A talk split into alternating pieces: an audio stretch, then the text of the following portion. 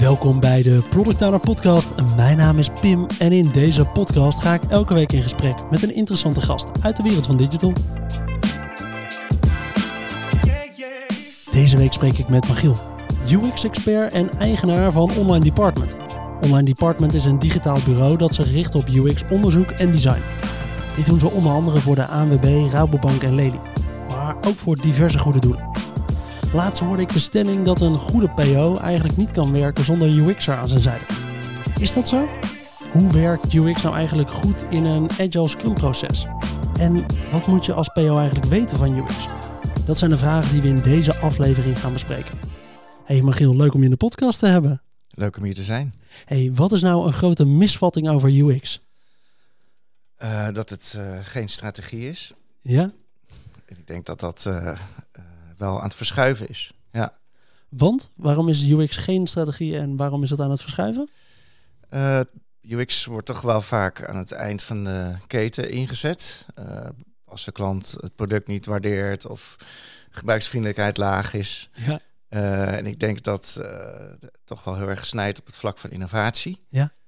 juist doordat je natuurlijk heel veel onderzoek doet en met de klant in gesprek gaat, maar ook veel experimenten uitvoert. Ja, want wat is UX in de basis?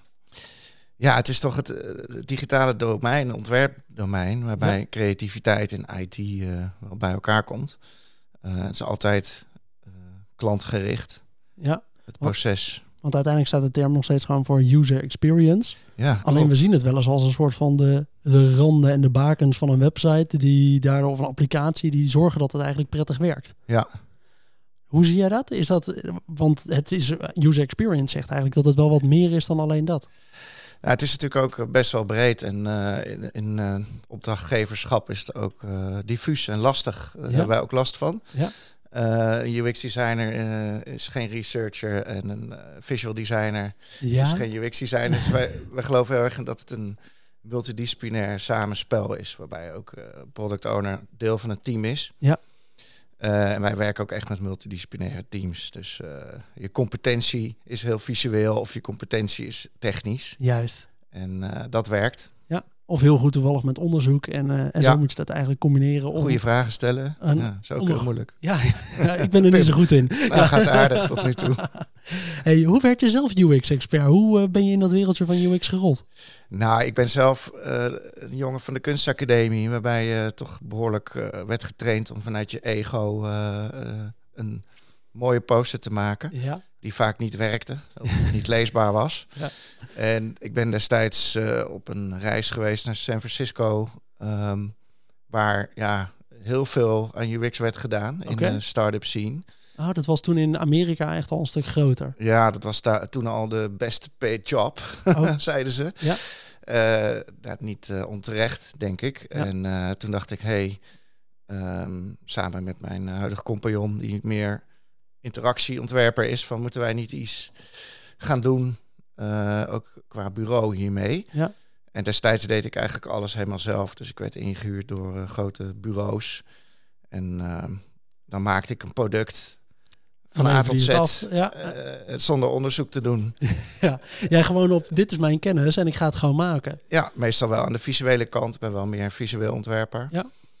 Ehm, maar ook, ja, ik gooide alles bij elkaar en eh, het leverde het op. Ja. Wist ook eigenlijk nooit precies wat ermee gedaan werd. Of er nou meer Cornetto's werden verkocht of Volvo auto's. Ja, oh mooi. Geen idee. En eh, dat was ook wel de reden dat ik dacht...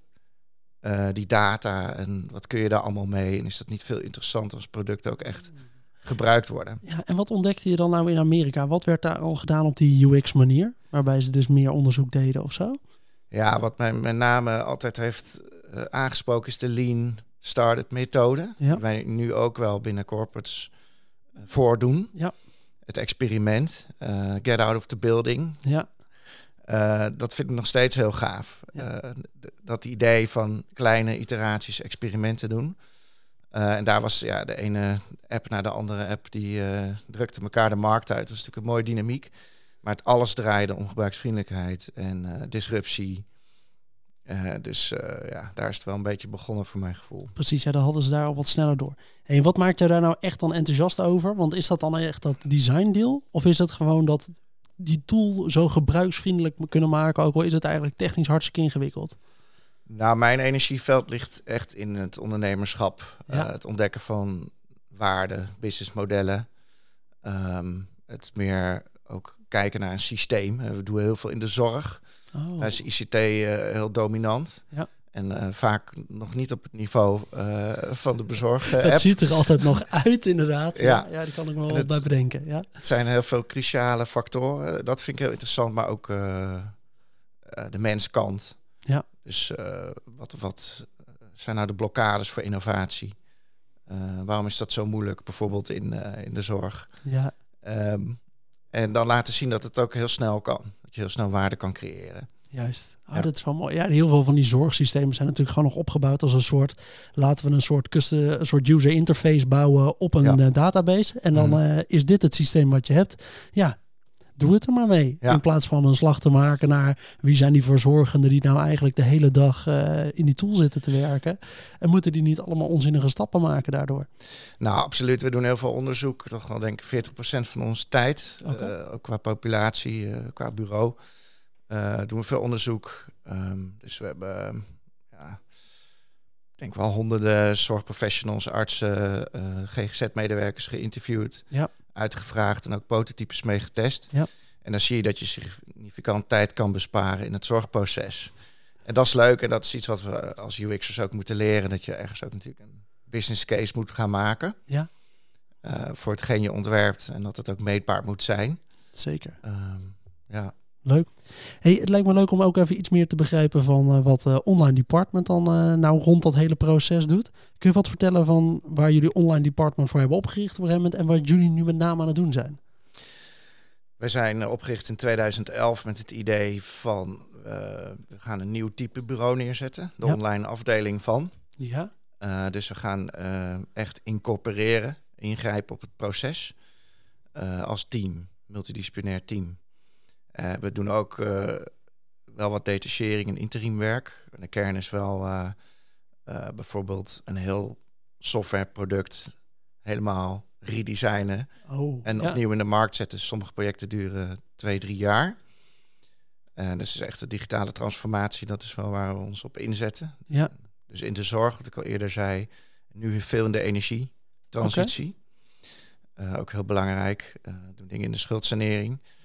Uh, dus, ja, daar vertelde je me iets over, over die schuldsanering. Dat is al een Ja, dat, daar investeren we in. En dat is eigenlijk ook mijn, een beetje mijn linkse hart, denk ik. Maar ja. uh, ik wil dingen die krom zijn graag recht uh, ja. zetten. En UX kan daar, een design thinking als proces, kan daar echt aan bijdragen. Ja. dus binnenkort starten we met een project waarbij we echt een zorgcasus vanuit de zorgverzekeraar gaan beetpakken. Ja. mensen die dus tussen het wal en het schip vallen. Hmm. Omdat het systeem niet werkt.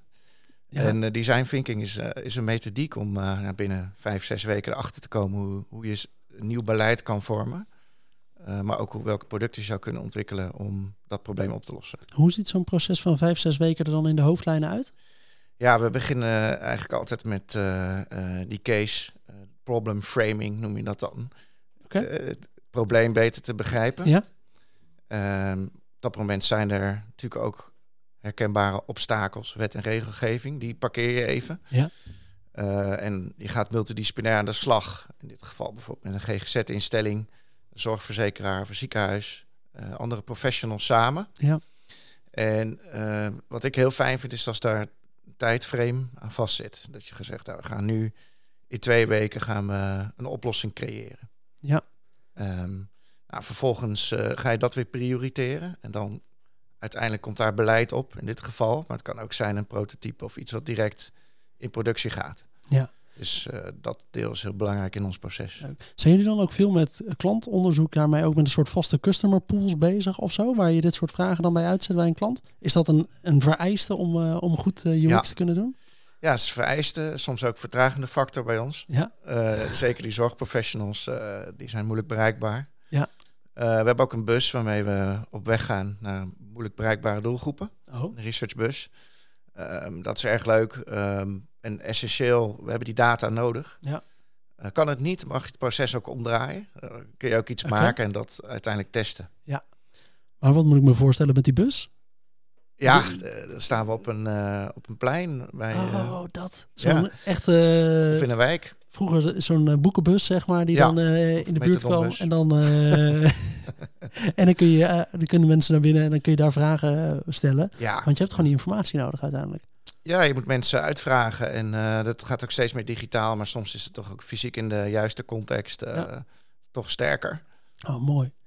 Leuk. Ik vind het uh, een mooie basis en volgens mij een goede reden om verder eventjes in dat wereldje van UX te duiken. Want ja, een paar keer is hij al hier voorbij gekomen in de podcast. Dat iemand zei, ja, maar je moet een goede UX aan je zijde hebben, anders kun je eigenlijk niet werken. En ik ben er nog wel eens de discussie over aangegaan. Ja, wat is nou een back-end product hebt? Eh, moet elke product owner dat nou hebben? Of is het met name als je dus echt een klantgericht product uh, levert aan een eindconsument?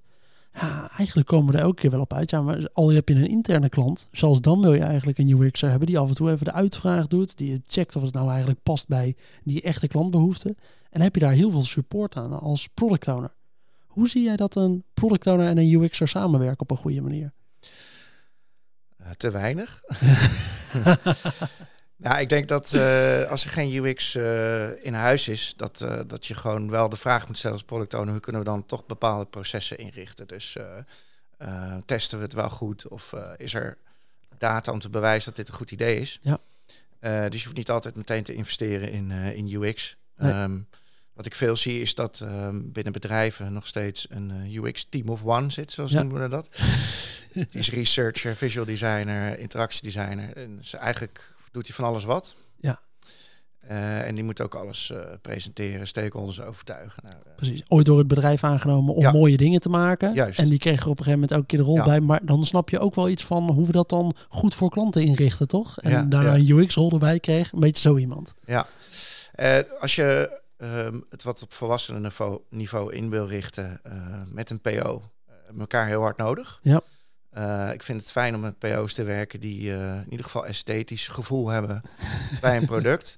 Maar ik heb ook uh, sessies meegemaakt dat er um, bij wijze van spreken drop-downs en radio buttons werden gemaakt. Waarvan ik dacht, dat is helemaal geen goede conventie op dit moment. Ja. Maar niemand had dat in de gaten. En dat is best wel kostbaar. Ja. dus er zijn ook gewoon conventies. Ik denk dat de PO's zich in de basis wel moeten verdiepen in conventies van UX wat werkt en wat niet werkt. Ja. Um, en het is fijn als er gevoel bij is, maar ook een mindset is van hey designer, maak eens wat meer iteraties of oplossingen voordat we doorstomen naar. Precies, niet de even de eerste. Ah, oké. Okay. Zijn er inderdaad van die basisregels, uh, zoals je net een beetje benoemd, die elke PO eigenlijk zou moeten weten over UX? Uh, ja, ja, wat zijn het en hoe leren we het? Nou, dat het een exploratief proces is. Ja. Uh, en uh, er wordt veel gestuurd op deadlines en releases, snap ja. ik. Uh, maar ideaten, bijvoorbeeld schetsen met development samen, kost een uur. Daar zal het probleem niet zitten. Nee. ik denk dat er heel veel waste is als er features worden gebouwd die niet, geen waarde creëren. Zeker. dus neem dat dan ook mee in het proces. dus het ehm, valideren. Ja is denk ik een absolute belangrijke regel. Ja. Uh, en daag ontwerpers uit om ook meerdere oplossingen te creëren voor een probleem. Ja. Daar worden ze allebei blij van. Oké. Okay.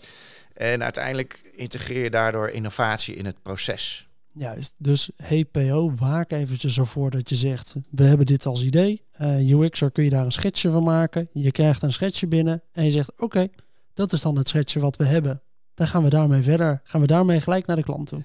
Ja. En eigenlijk zeg jij, zorg even dat je altijd vraagt om twee, drie varianten van zo'n oplossing. Ja. En dat hij er eventjes wat verder tijd in besteedt om, uh, om ook met andere oplossingen te komen. Nou, stuur, stuur die designer naar development toe. Van, hey, wat vind je van deze oplossing? Ja. Uh, en faciliteer dat vooral ook. Het is geen... Maak die lijn kort. Ja, maar daag ze ook uit om met elkaar in gesprek te gaan. Oké, okay. nou, dat is wel een, een, goede, een goede basis. En ik denk voor veel mensen altijd wel spannend. Want uh, de developer voelt ergens als... Ja, ik ga alles vanuit code oplossen. En de UX'er voelt voor de developer wel eens als in... Ja, heel leuk die plaatjes die jij tekent. Maar uh, ja, uh, wij moeten het zo meteen weer gaan integreren zeker met jouw ja, plaatje. Of ik heb dat vorig jaar al gebouwd. dat kan ook. Ja, nou, dat soort dingen kun je echt ja. wel krijgen. Hey, hoe herken je nou bedrijven die echt goede UX toepassen? Heb je zo'n uh, zo'n voorbeeld van, oh, daar zie ik eigenlijk altijd gelijk wel aan. Die hebben echt goede UX. Nou, die hebben research in huis. Ja, Eh, de research aan de kant van productstrategie. Ja. Eh, en dat betekent dat hij niet per se in het team van de PO valt. oké. Dat betekent dat er... Die informeert de PO over wat waarde is. Ja, Eh, dat denk ik, eh, daar zie ik eh, meerwaarde. Ze noemen natuurlijk ook wel vaak service design. Nou, je ziet eh, eh, organisaties die eh, ehm, UX op een hoogwaardig niveau uitvoeren. Ja. Dat natuurlijk altijd een klant betrokken is in het proces, eindgebruikers. Maar ook dat leiderschap betrokken is ja, in wat er gemaakt wordt. Dus dat die visie gedeeld wordt. dat iedereen geïnspireerd is om, om dat probleem op te lossen. En als we het omdraaien, hoe herken je slechte UX? Waar, waardoor ontstaat er, waardoor zijn er nog steeds bedrijven die kunnen draaien met slechte UX? Nou, omdat het verdienmodel nog intact is, wat je in de zorg veel ziet. Ja, Het hoeft, het hoeft niet per se eh, lekker snel te werken, want het wordt toch wel verkocht. Ja. En dat vinden we juist fijn, want we doen veel ook in MKB, software. Eh, pas als er concurrentie komt, dan, eh, dan wordt het dan moeten interessant. ze een beetje gaan rennen. Ja, Ja. Maar goed, dat is dan heel dankbaar werk. Ja. Denk ik. Ehm, ja, en het, het is ook heel goed om eh, hoe groter je team wordt, om te kijken wat de individuele competenties van UX-designers zijn. En dat verder te verdiepen en te ontwikkelen. Want dat is eigenlijk nog vrij nieuw. Oké, kun je daar wat meer over uitleggen? Ja, je ziet, eh, ja, er is natuurlijk nog weinig senioriteit en begeleiding in het vakgebied. Eh, ik heb natuurlijk zelf met 25 mensen heel veel ervaring, ja, vallen en opstaan geleerd. Van ja, ik kan nu vrij snel zien, dit is echt een analytisch iemand die volgens mij heel goed eh, naast een IT'er kan zitten. Ja. En deze heeft duidelijk echt eh, goede onderzoekscompetenties. Ik kijk veel meer naar competenties ja. en hoe je die kan ontwikkelen. Oh, en dat is ook wat ook een- echt wel onze missie is, is dat we parallel aan het project ook eh, competentieniveau verhogen. ja. Dus eh, als we ons met ons werken als team, dan geïntegreerd ook- Ja, is procesverbetering. Maar ook we helpen ook organisaties met eigen teams aannemen. en dat is ook eigenlijk wat je net een beetje bedoelde met zo'n bedrijf waar één UX er eigenlijk binnen is. Ja. Ja, die wordt gewoon neergezet voor alles in plaats van gechallenged te worden op verschillende domeinen binnen UX. Ja, die, die, we hebben ook een UX-spreker en die eh, komen regelmatig naar ons toe van nou, ik verzuip of eh, ik eh, vind het moeilijk. Ja. Eh, dus dan heb je toch een, een senior waar je mee kan sparren. En dat vinden we ook leuk om te doen. Ja. Een beetje coaching van een team of one. Vind ik een mooi, eh, mooi concept, een spreekuur eigenlijk voor, eh, Ja. voor UX'ers.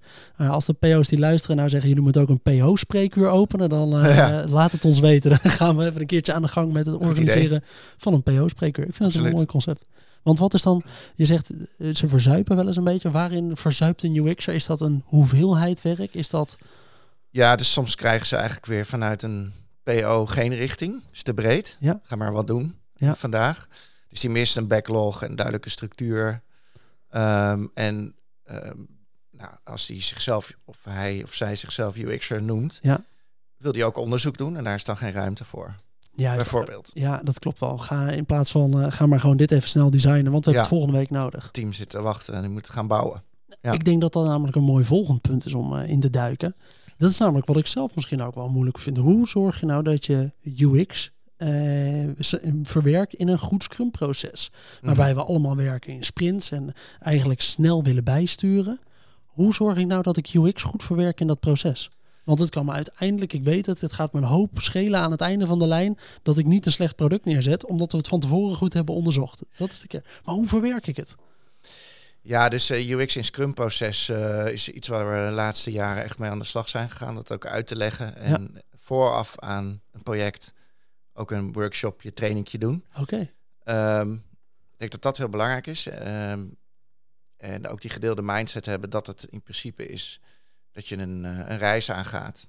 Waar ook experimenten, eh, exploraties eh, in thuis horen. M- Wat wordt er in die training, die, eerste stap die je dan, wat wil je duidelijk maken aan mensen in zo'n groep? Nou, neem de tijd om het probleem goed te begrijpen. Ja, daarom is een design sprint populair vooraf aan development sprints. Ja. Ehm, maar ook dus tijdens het uitwerken van interacties, dus belangrijke stakeholders aan te haken. Ja. En niet later in het proces. ja, Eh, dus het zijn eigenlijk UX-activiteiten die je binnen Scrum eh, doet. En waar ik heel erg zelf blij van word, is het Dual Track Agile Framework. Dat toe te passen. Ehm, omdat er komen ook vragen binnen, ook bij de PO natuurlijk vaak, uh, dat te abstract is. En dan moet eigenlijk de UX'er zeggen, hey, ik ga dit niet maken. Dit is te abstract, het is niet bewezen. Ja. En kunnen we dat door een soort discovery track heen halen. Dus het is een soort design sprint met wat meer onderzoek. Ja. Uh, en dan pas weer in de backlog laten landen. Dus het verdelen van uh, ideeën die niet bewezen zijn. Oh. En, en, bewezen features, dat is wel een fijne splitsing, vind ik. Om, uh, het dual track. Dual Agile. track. Oké, ja, moet ik even gaan opzoeken. Ik heb ja, discovery ja? en delivery. Ja. dus en die discovery vind ik zelf leuker. Ja. Uh, wicked problems. Uh, gaan we dat nou weer doen? ja. Kan ook een verdienmodel zijn of iets anders. Ja. En de delivery is, nou, dit is gewoon, ja, dit moet je gewoon bouwen. Functies. Ja. ja. Oké, dat is wel mooi, want dan ga je eigenlijk een losse lijn creëren waarbij jullie in die discovery heb je met name je UX dan zitten, die Mhm. eigenlijk losse problemen aan het bekijken zijn of oplossingen aan het bekijken zijn, hoe we dat zouden kunnen toepassen in de organisatie. Ja, dus de discovery uh, kan ook uh, hetzelfde team zijn als de delivery. Alleen Ja. is het meer research driven. Dus meer uh, Minder. experiment ja. en prototype testen. Ja, Um, dus wij hebben dat, we doen dat bij Lely bijvoorbeeld allemaal boeren bezocht in verschillende landen. Ja. Om überhaupt te ontdekken wat waarde had. En daardoor werd het delivery team niet verstoord. oh, En pas toen we hadden, duidelijk hadden dat dat dashboard werkte, uh, hebben we het meegenomen naar de implementatie. ja precies. En uh, stel uh, een luisteraar hier die zit, zit gewoon in zijn vaste sprintritme en Mhm. met zijn, met zijn development team lopen eigenlijk altijd een beetje tekort op capaciteit. Maar ja, we hebben wel weer een nieuwe functie aangevraagd gekregen. Dus, en hebben eigenlijk ook wel gevonden, dit zouden we moeten gaan maken voor, voor de klant. Maar er moet ergens een UX-slag nog tussentijds plaatsvinden.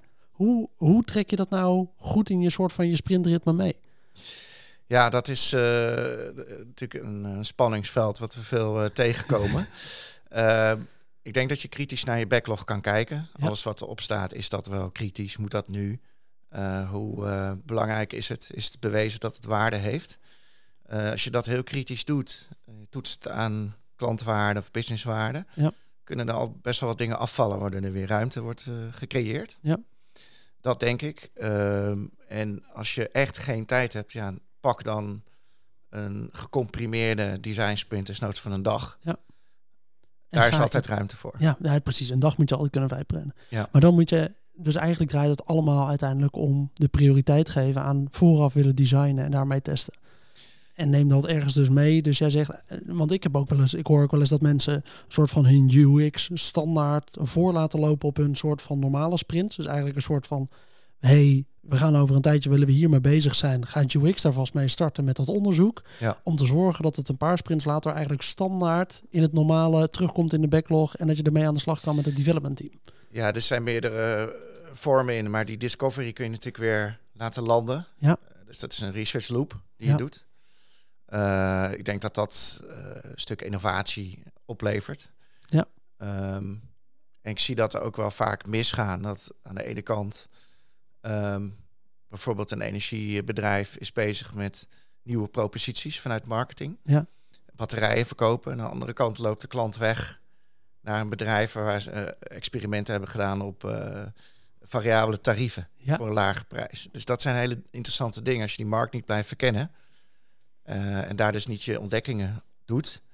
Ga je kan, achterlopen. Kan het wel eens uh, misgaan. Hè? Ja, dan ben je zo gefocust op je ene onderdeel doorontwikkelen dat je eigenlijk het ander vergeet. Precies. En uh, eigenlijk vergeet je waarde voor die klant te creëren. Ja. Dus uh, dat is wel oké. Okay, dat is een, een, goede manier.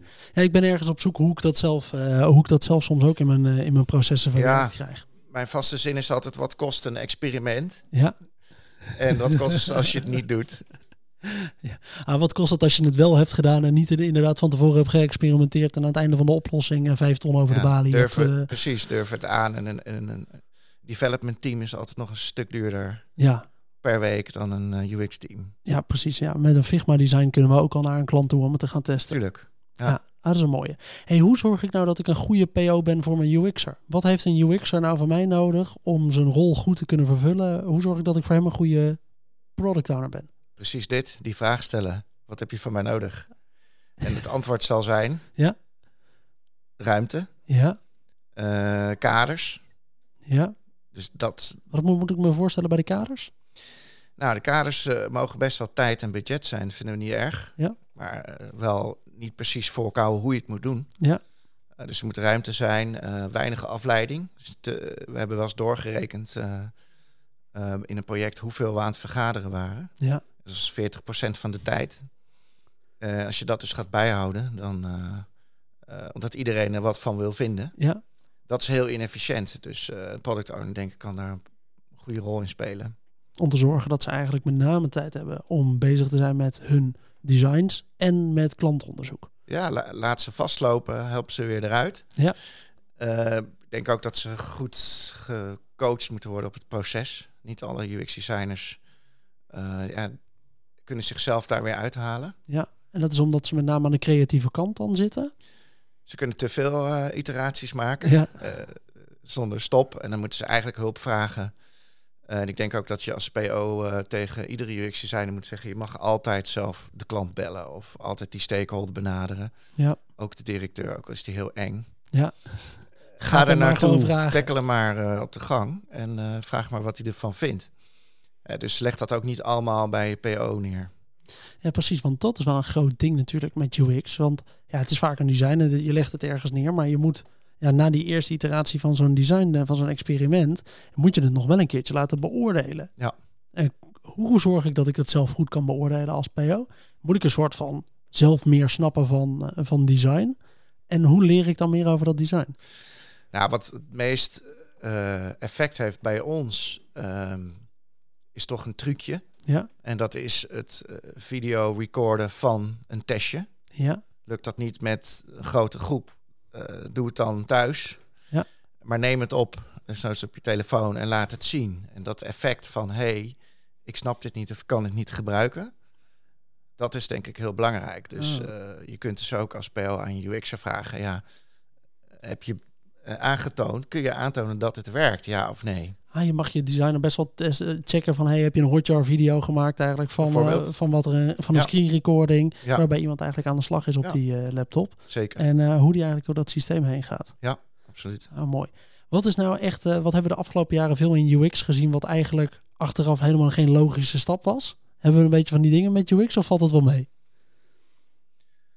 Wat een Eh, hele erge design trend was. Vijf jaar geleden waarvan we nu zeggen, nou, ja, iedereen heeft het natuurlijk over AI. En Ja. daar heb ik ook wel mee te maken gehad. Dat ik dacht, hey, die interface die bouwt zich vanzelf op. Ja. Dus ik pak mijn spullen in en eh, het is klaar. Ja. Eh, grote trend is design systems. Eh, dus dat is eh, in mijn optiek toch wel een operationeel product. Ja. Eh, eh, waar de HTML eh, en designrichtlijnen in vast worden gelegd. ja, Hartstikke belangrijk. ja, Eh, maar het gaat niet over innovatie. Het gaat Ja. over eh, kosten besparen. ja, En ik denk dat ieder eh, grote organisatie design systems heeft. Ik zie wel dat daar heel veel tijd en energie naartoe gaat. En veel discussie over. ja, eh, ook, ook iedereen die natuurlijk zijn eilandje verdedigt. Marketing heeft Ja. ermee te maken. Eh, en aan de andere kant moet je natuurlijk ook gewoon blijven innoveren. Dus er moet wel een balans zijn tussen de resources die je stopt in een design system ja. documentatie. Terwijl aan de andere kant de markt alweer verder is. Juist. Zometeen heb jij een heel mooi document gemaakt in een half jaar tijd. En eigenlijk is de hele markt, heb je alleen maar regels opgeworpen. Ik heb bij twee grote organisaties meegemaakt dat er al zelfs een nieuwe bra- brand identity klaar was, waarvan niemand wist dat die er was. Nee. Dus aan de ene kant waren ze al lang bezig om een nieuwe brand identity neer te zetten. Ja, en aan de andere uit. kant zaten... Ja. Jeetje. Oh, dat is zonde van de uren. Ja, die, die voel je wel. Ja. Hey, het lijkt me leuk om eventjes naar de, naar de grote lessen toe te gaan rond eh, UX eh, toepassen op deze manier. Is er zo'n meest gegeven tip die jij eh, mij bijvoorbeeld zou geven als product owner, maar misschien wel ook de luisteraars, rond, eh, rond wat wij echt met UX moeten doen en eh, misschien ook wel vooral niet moeten doen? zo. ehm, hoe lang hebben we nog? Ik denk dat ehm, wat je steeds meer ziet is, ehm, kun je de waarde bewijzen van UX? Ja, eh, business case maken of wat levert het dan op? Dat is killing voor iedere creatieve geest, maar het is wel een relevante vraag. Ik denk dat eh, vooral de vraag stellen is van wat heb jij nodig om te bewijzen dat dit waarde heeft? Ik denk dat dat een interessantere vraag is. Wat heb je nodig om te bewijzen dat dit waarde heeft? Ah, dat vind ik een mooie vraag om, uh, om te stellen. Die, uh, die gaat genoteerd worden. Dat is er eentje. Hey, en waar daar tegenover staat altijd, wat moet je vooral niet doen? Mm. Wat, wat moet ik niet doen als ik uh, mijn UX'er succesvol in mijn team wil hebben?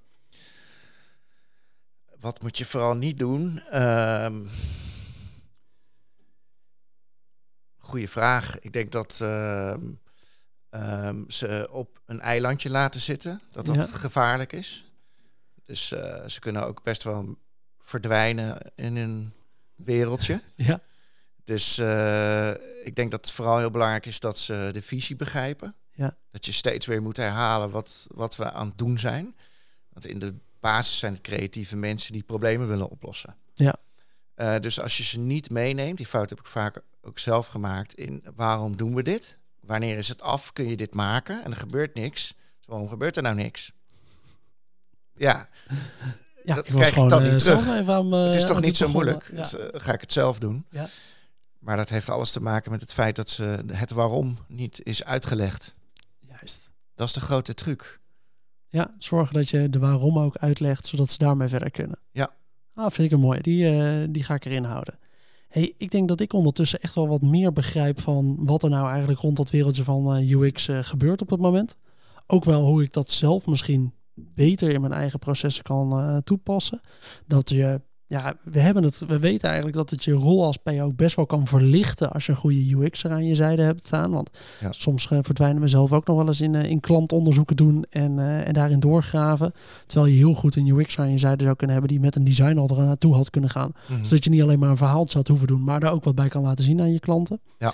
Ehm, dus ik zie enorm de waarde daarvan in. Heb je nog een eerste stap? Dus als ik nou zeg, ik doe eigenlijk te weinig UX in mijn, in mijn team. Wat is uh, de eerste stap die ik moet nemen? Als je geen uh, of een heel klein ja. beetje UX in je team hebt. Uh, nou, in ieder geval altijd zorgen dat er ergens in de organisatie iemand is die contact met de klant heeft. Ja. Die is, als het goed is, dus nou sales of support, kun je ja. heel veel van leren. Zeker. Ik denk dat dat heel belangrijk is. En um, ja, toch ook gewoon conventies volgen. Dus je kunt ook heel veel dingen lenen. Ja die er al zijn. Het probleem is vaak al eerder uitgevonden. Ja. Ja, goed. Een, een laatste vraag hoor, want ja. dan, uh, dan, gaan we afronden op deze aflevering. Ik vind zelf UX heel interessant. Is er een manier voor mij om als PO iets meer van UX te begrijpen? Is er een, is er een boek wat ik gelezen moet hebben om UX'ers beter te begrijpen bijvoorbeeld? Of is er uh, iets van andere stof die ik mee moet nemen? Um, ik denk dat uh, er zijn heel veel boeken over UX en ja. interactiedesign. Uh, ik denk dat de kern interactieontwerpen wel een belangrijk domein is om dat goed te begrijpen. Uh, okay. Het visuele aspect, dat, dat komt wel goed. Ja. Um, dat is belangrijk. Het UX Team of One uh, boek hè? Ja. bestaat oh, daar ook. heb je een boek over. Bestaat Kijk. ook. Ja. Geven we vaak ook aan coaches. Ja. Um, ja, en toch UX in Scrum training volgen. ja. We hebben ook een gratis um, webinar oh. online staan. Een masterclass nog uit de corona coronatijd. Oh. Nou, stuur Daar wordt het door. uitgelegd. Ja. ja. Ja, Stuur hem even door en als luisteraars hem interessant vinden, dan uh, sturen ja, we die ook zeker graag. Lijkt me een goede manier. Hey, ik vond het leuk om het hier met je over gehad uh, te ik hebben, ook, Magiel. Ja. Uh, leuk om even wat uh, meer UX naar de PO's toe te brengen en iets meer gedachten achter die stelling te krijgen. Als mensen nou nog vragen hebben over dit onderwerp, kunnen ze dan een bericht sturen via LinkedIn? Altijd. Ze kunnen een spreekuur bij, bij mijn boeken zelfs. Ja, of bij kijk, een ander expert. Ah, top. Ja. Stuur hem vooral eventjes een berichtje via LinkedIn. Dat is Magiel Oskan. En uh, dan voor de rest van de luisteraars, ja, dan hoop ik dat je weer een leuke aflevering vond. Vond je dit nou een leuke aflevering? Vergeet dan niet om eventjes een review achter te laten in je favoriete podcast. Dat helpt ons weer om de volgende keer meer bereik te hebben en weer leukere gasten uit te nodigen. Heb je nog vragen of opmerkingen voor mij naar aanleiding van deze aflevering? Stuur me dan ook vooral een berichtje via LinkedIn, dat is Pimpot. Of op pim.productjana.nl En dan hoop ik dat je de volgende keer weer luistert. Tot dan!